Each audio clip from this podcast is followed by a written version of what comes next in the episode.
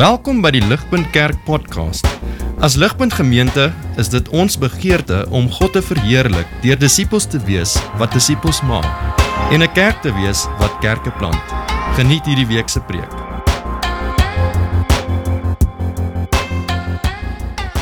I want to look at Psalm 46 because Psalm 46 is going to help us to know how to respond to a world in turmoil.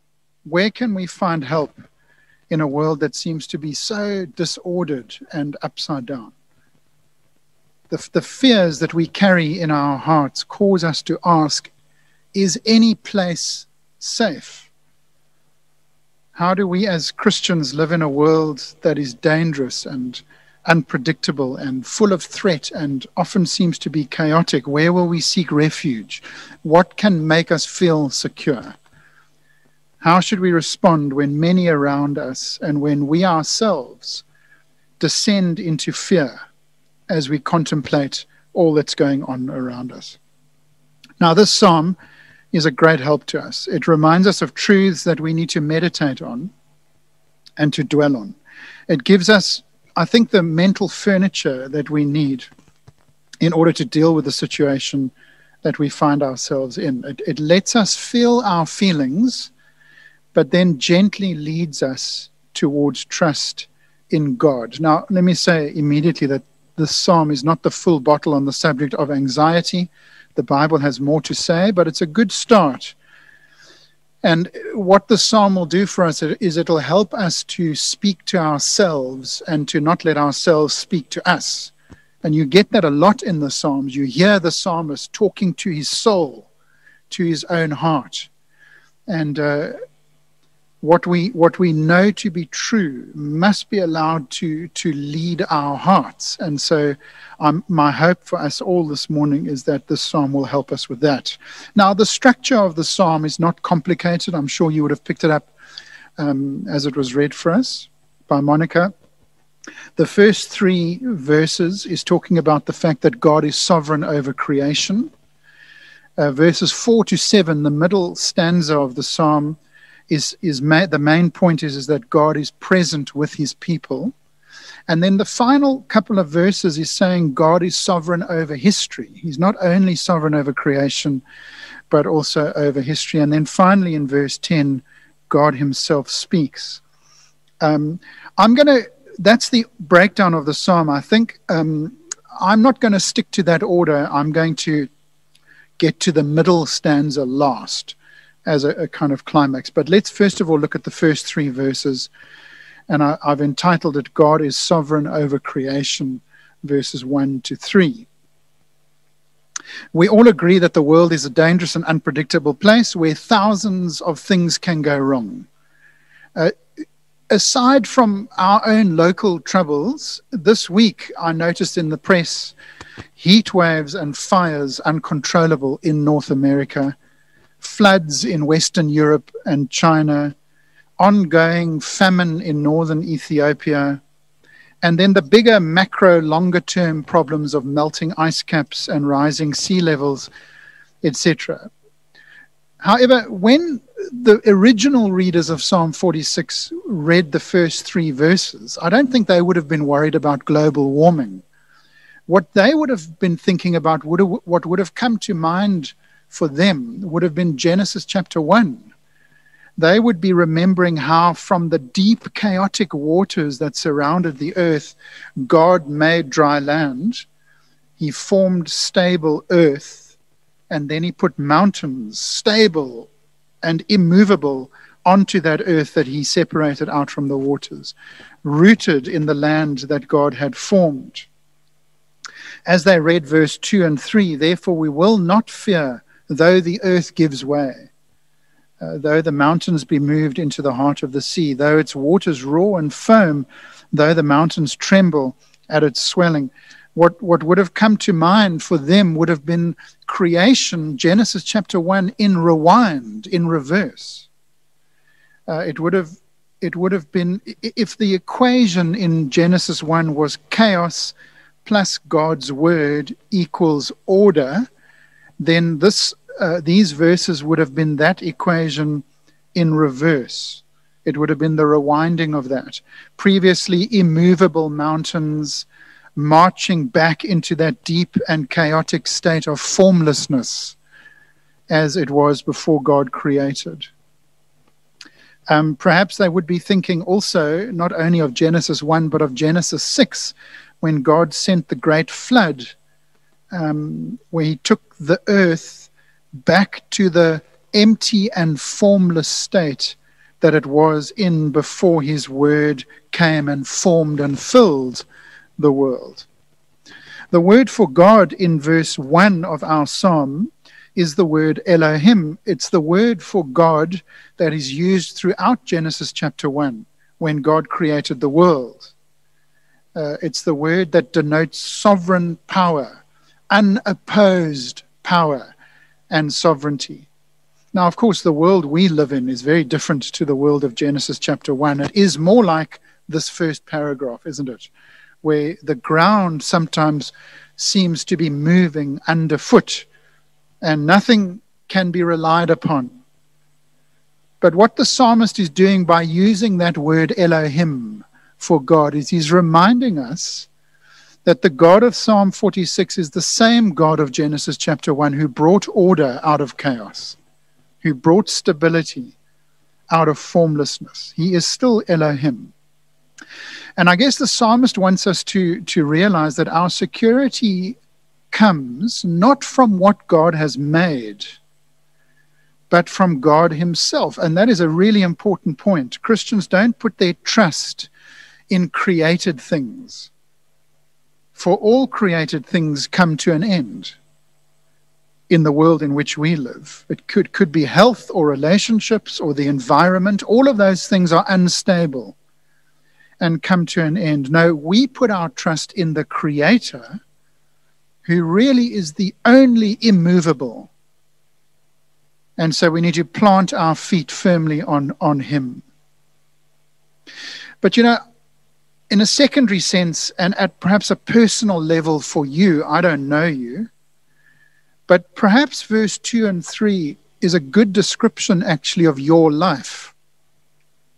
Maybe you feel that your life has already or might be in danger of descending into chaos. It can happen in the blink of an eye, can't it? That diagnosis from the doctor, or that divorce, or that financial crash, or that bereavement, or that retrenchment, and on and on we could go. In one moment, our lives can crash into the sea with its roaring and foaming waters. And so the psalmist is, is looking at the world and he's saying, Look, when the world descends into chaos, we will not fear. Well, how can that be? He wants us to see that when it comes to creation, God sovereignly stands behind it all. Even when the earth melts, verse 6 uh, it's a little bit outside of our stanza, but look, the nations rage, the kingdoms totter. He utters his voice, and the earth melts. And look at verse 8, quite a striking verse. Come, behold the works of the Lord, how he has brought desolations on the earth. Did you notice? Who is the one who brings desolation on the earth? It's not random, it's not people that bring it, it's the great creator Elohim the sovereign God. He himself brings calamity and desolation on the earth. In the midst of an aging, crumbling, unstable creation, where can we turn? Well, the answer is to go to the Creator, the one who is sovereign over nature and the only one who has a track record of having mastered the chaos and bringing order out of disorder, in the moments when the world falls apart, when everything is coming undone, Elohim stands behind it all. He is our rock and he is unchanging. What I want to do now is jump to the third stanza, verse 8 and 9, and make my second point. Not only is God sovereign over creation, but actually he is sovereign over history. Look at verse 8 and 9. Come, behold the works of the Lord how he has brought desolations on the earth.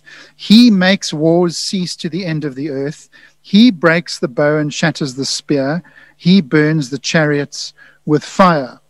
This section, verse 8 and 9, is bracketed by verse 7 and 11, where something is repeated. In verse 7, we are told that Elohim is the Lord of hosts who is with us. Verse 11, the Lord of hosts is with us.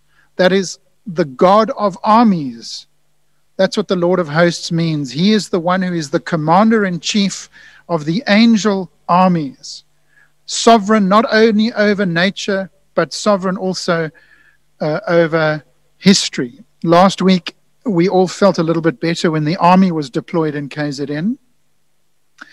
Um, although I must say, by the looks of the state of our army, um, that was a short lived feeling. But nevertheless, it was helpful to have uh, feet on the ground here in KZN.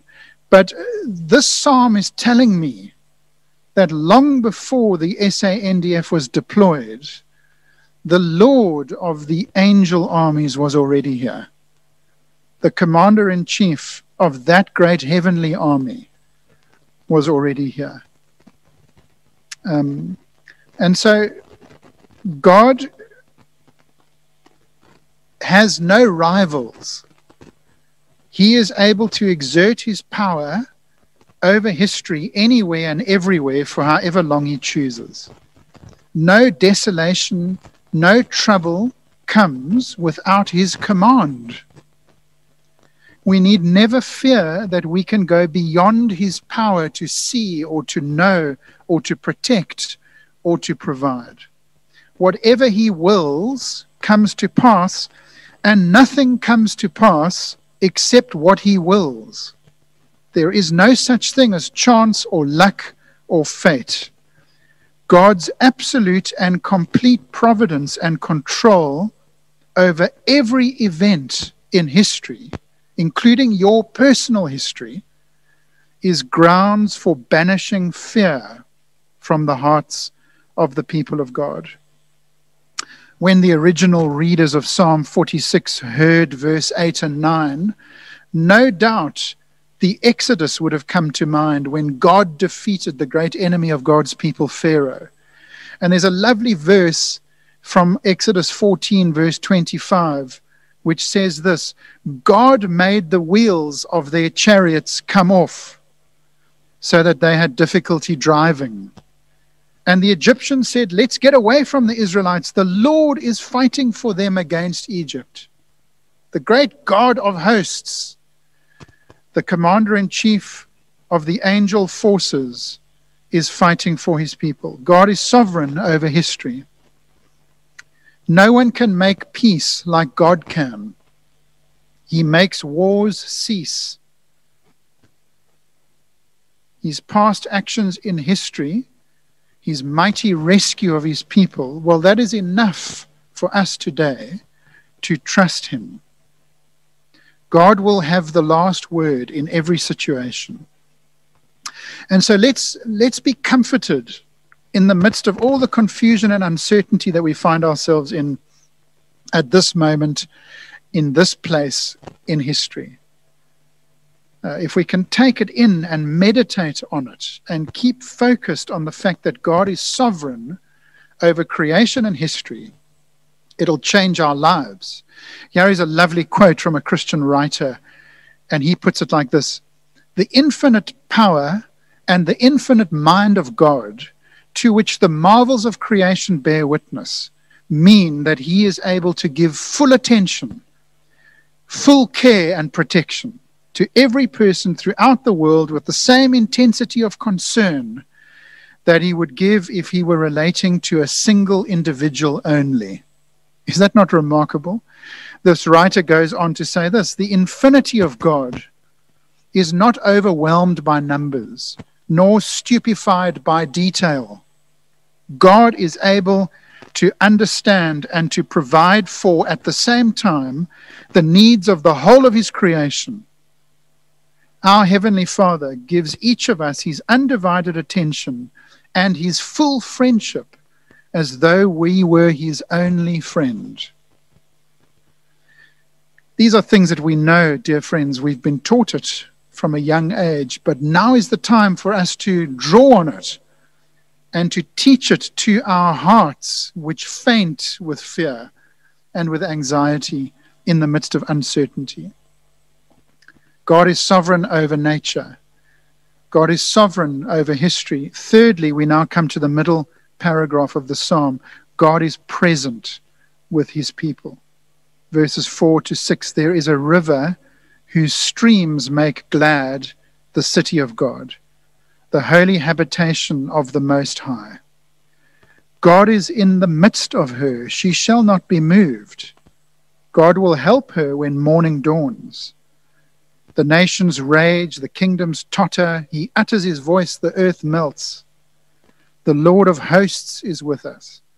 The God of Jacob is our fortress. You know, it occurred to me when I was reading the psalm this week that Christians are not unique in their view of a God who is all powerful and almighty, as we've just seen.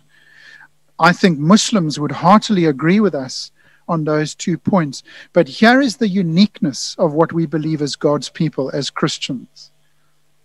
The difference comes in verses 4 to 7. It's utterly unique in all the world's religions and worldviews that this great, awesome, transcendent, powerful, holy God is also with us.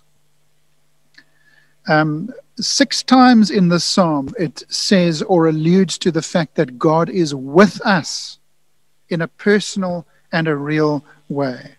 Verse 4 says that God is in the midst of his city, the gathering of his people. Here is a place where you will find refuge, a place without the chaos of the boiling, foaming sea of verse 3 no, here is a calm and a peaceful river. A reminder, surely, to the original readers of the Garden of Eden, where you might remember in chapter 2 of Genesis, we told that this river broke into four uh, headwaters and it naturally irrigated the Garden of Eden in a beautiful and a peaceful way. There was no dragging the hosepipe out of the garage in Eden to water the garden, it was naturally irrigated by this peaceful river. Instead of the earth giving way in verse 2 and melting in verse 6, this is secure and stable, verse 5. In the midst of her, she shall not be moved. A good place, a place where God Himself dwells. In the midst of the storm of life, there is a place where we can go to find peace and safety. It's not called Australia. It is called the city of God, the place where the Most High dwells. As they were thinking about Eden, I reckon the original readers would also have had Jerusalem and its great centerpiece, the temple, in mind. The great symbol that God was with them. Here is a city that you want to live in. Here is the peace that our hearts long for. How can I get into this fortress? I want to live in that city because God knows the city that I live in is nothing like the one described in verses 4 to 7. The answer comes in the third name of God that we are given in this psalm. You know, he's called Elohim, he's called the Lord of hosts, but there is a third name that he's given, also in verse 7 and repeated in verse 11. He's called the God of Jacob. The God of Jacob. And that's a very significant title for God. Do you remember who Jacob was? Jacob was Abraham's grandson, and he was probably one of the worst patriarchs. He was a swindler he was a deceiver. He was a liar. He was a good candidate for the Zondo Commission. Do you know in Genesis chapter 32, he even tried to hustle God, the cheek of it. And yet, God was faithful to him. God forgave him. God accepted him. and God befriended him. For God is not only powerful and mighty, but he is also the one who regards sinful people like Jacob, like me, like you. He's the God who loves to be friends with sinful people, with failures, with people who often give in to anxiety and fear and temptation. The one who is with us, friends, is the God of sinners. He's the God of Jacob. If you are a Christian, the God of Jacob is your father. The place of God for us now, the fortress of God for us now, is Jesus. That's how that friendship can happen between us and God, as you well know. On the day of the cross, God Himself brought desolation on the earth. So to speak, the earth melted. He made the war between Him and us cease because of the death of Jesus.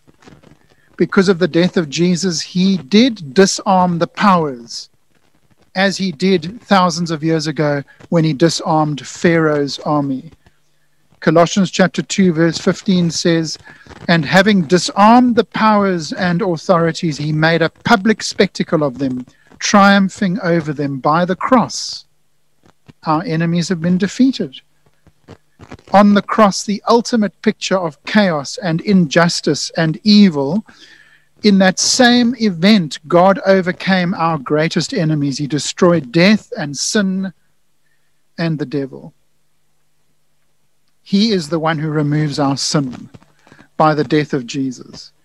And so the way is opened for us to be friends with the God of Jacob and to be part of the city of God. Do you know him? Are you friends with God? the God of Jacob? Have you come to the cross of Christ in repentance and put your trust in what Jesus did for you 2,000 years ago? You know, the city of God for the original hearers would have been Jerusalem. For us, living 2,000 years later, the city of God for us is the place where Jesus is enthroned which we know is heaven. That is the ultimate fortress of God, city of God. And it's what we are headed for and can't wait to get into. But you know, the city of God is not only a distant dream and hope in heaven, it actually begins in our hearts. For Jesus is not only enthroned in heaven, he's enthroned in our hearts. On the day that we come to Christ in faith and repentance, we give up self governance. We give up self determination. We get off the throne of our lives, and Jesus steps into the throne of our lives and is enthroned. And that is where the city of God begins in our hearts. So while we are not in the city of God yet, it is true to say that the city of God is in us. It's in our hearts as we wait for the real city of God. In 2008, I went to Zimbabwe on a mission, and uh, Marondera is where we were. And I remember meeting a farmer there, and the meeting with him really, the Lord used it in my life to change my life. Uh, six months before I met him and stayed with him, he had been expropriated from a very successful farm and he was a lovely Christian man. And we were chatting about how he dealt with that. He had four young children, all in primary school. It was a big drama for them, a big trauma for them. And I'll never forget what he said to me. I said to him, "How do you, how do you cope with what's just happened to you over the last six months and all of the uncertainty that faces you?" And he said these words to me. He said, My wife and I take the view that if things get worse, at least we've got death to look forward to. And those words have never left me because I thought to myself as I pondered what he said, that is how a Christian responds in the world in which we live. if things get worse, at least we've got death to look forward to. The city of God, the fortress of God, has begun in our hearts on the day that Jesus is enthroned in our lives. But we have the fortress of God in all of its glory to look forward to. How safe we are. Now we are ready to hear the only command that comes in this psalm. And it comes in verse 10. Up until verse 9, the psalmist has been speaking, reflecting on God's sovereignty and nature, his presence with us, and his sovereignty over history. But in verse 10, there is a change, and God himself speaks. What advice does God have in a world where everything is moving, nothing is stable or reliable? When the earth gives way, when the mountains fall into the sea, when the water is boiling, what is God's counsel for us? How will we, we respond? How ought we to respond? Two words be still, is what he says. That's the command. Be still. You know, that word, the word for be still can be translated as sink. That is, fall into the hands of God, relax into the hands of God notice that God's command or God's message to us is not that He will change the storm, the instability around us. It's not that He will make us feel better and that He'll calm the storm. That's not what He promises. The Bible does not teach a prosperity gospel, it teaches an adversity gospel. In the turmoil that God could fix if He wanted to, be still. Sink. Relax into his hands. You know, dear friends, ter- normally in turmoil, the last thing that we are is still. But that should be the first response. It is to sink into God's hands, to set your sights on the great city, the presence of God. You know, it's interesting that the New Testament never quotes Psalm 46, but I think this comes very close. Philippians chapter 4 and verse 5 says, The Lord is at hand. That's very close, isn't it? To verse 4 of our psalm that the Lord is in the midst of his people. The Lord is at hand, Paul says in Philippians 4.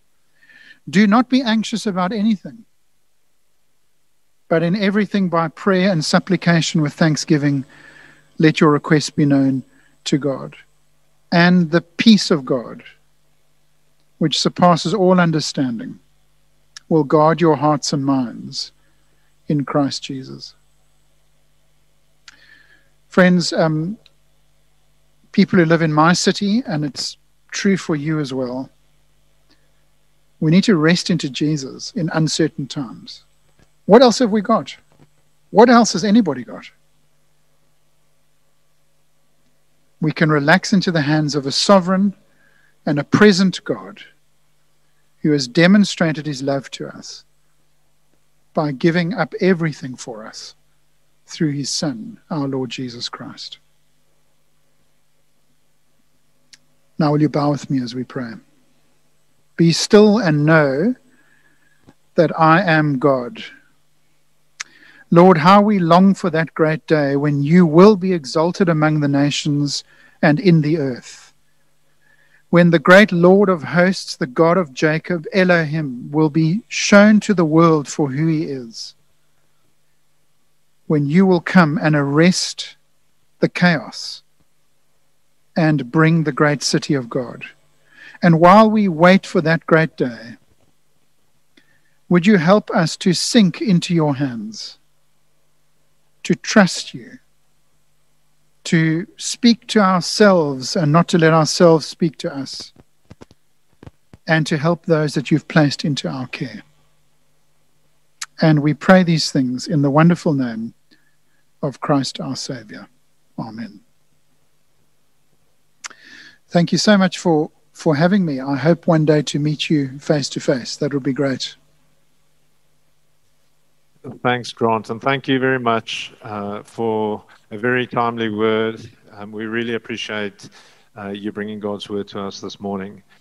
Um, vriende, ons gaan ongelukkig nie kan sing nie. Um, ons hoop volgende week weer alles reg te hê.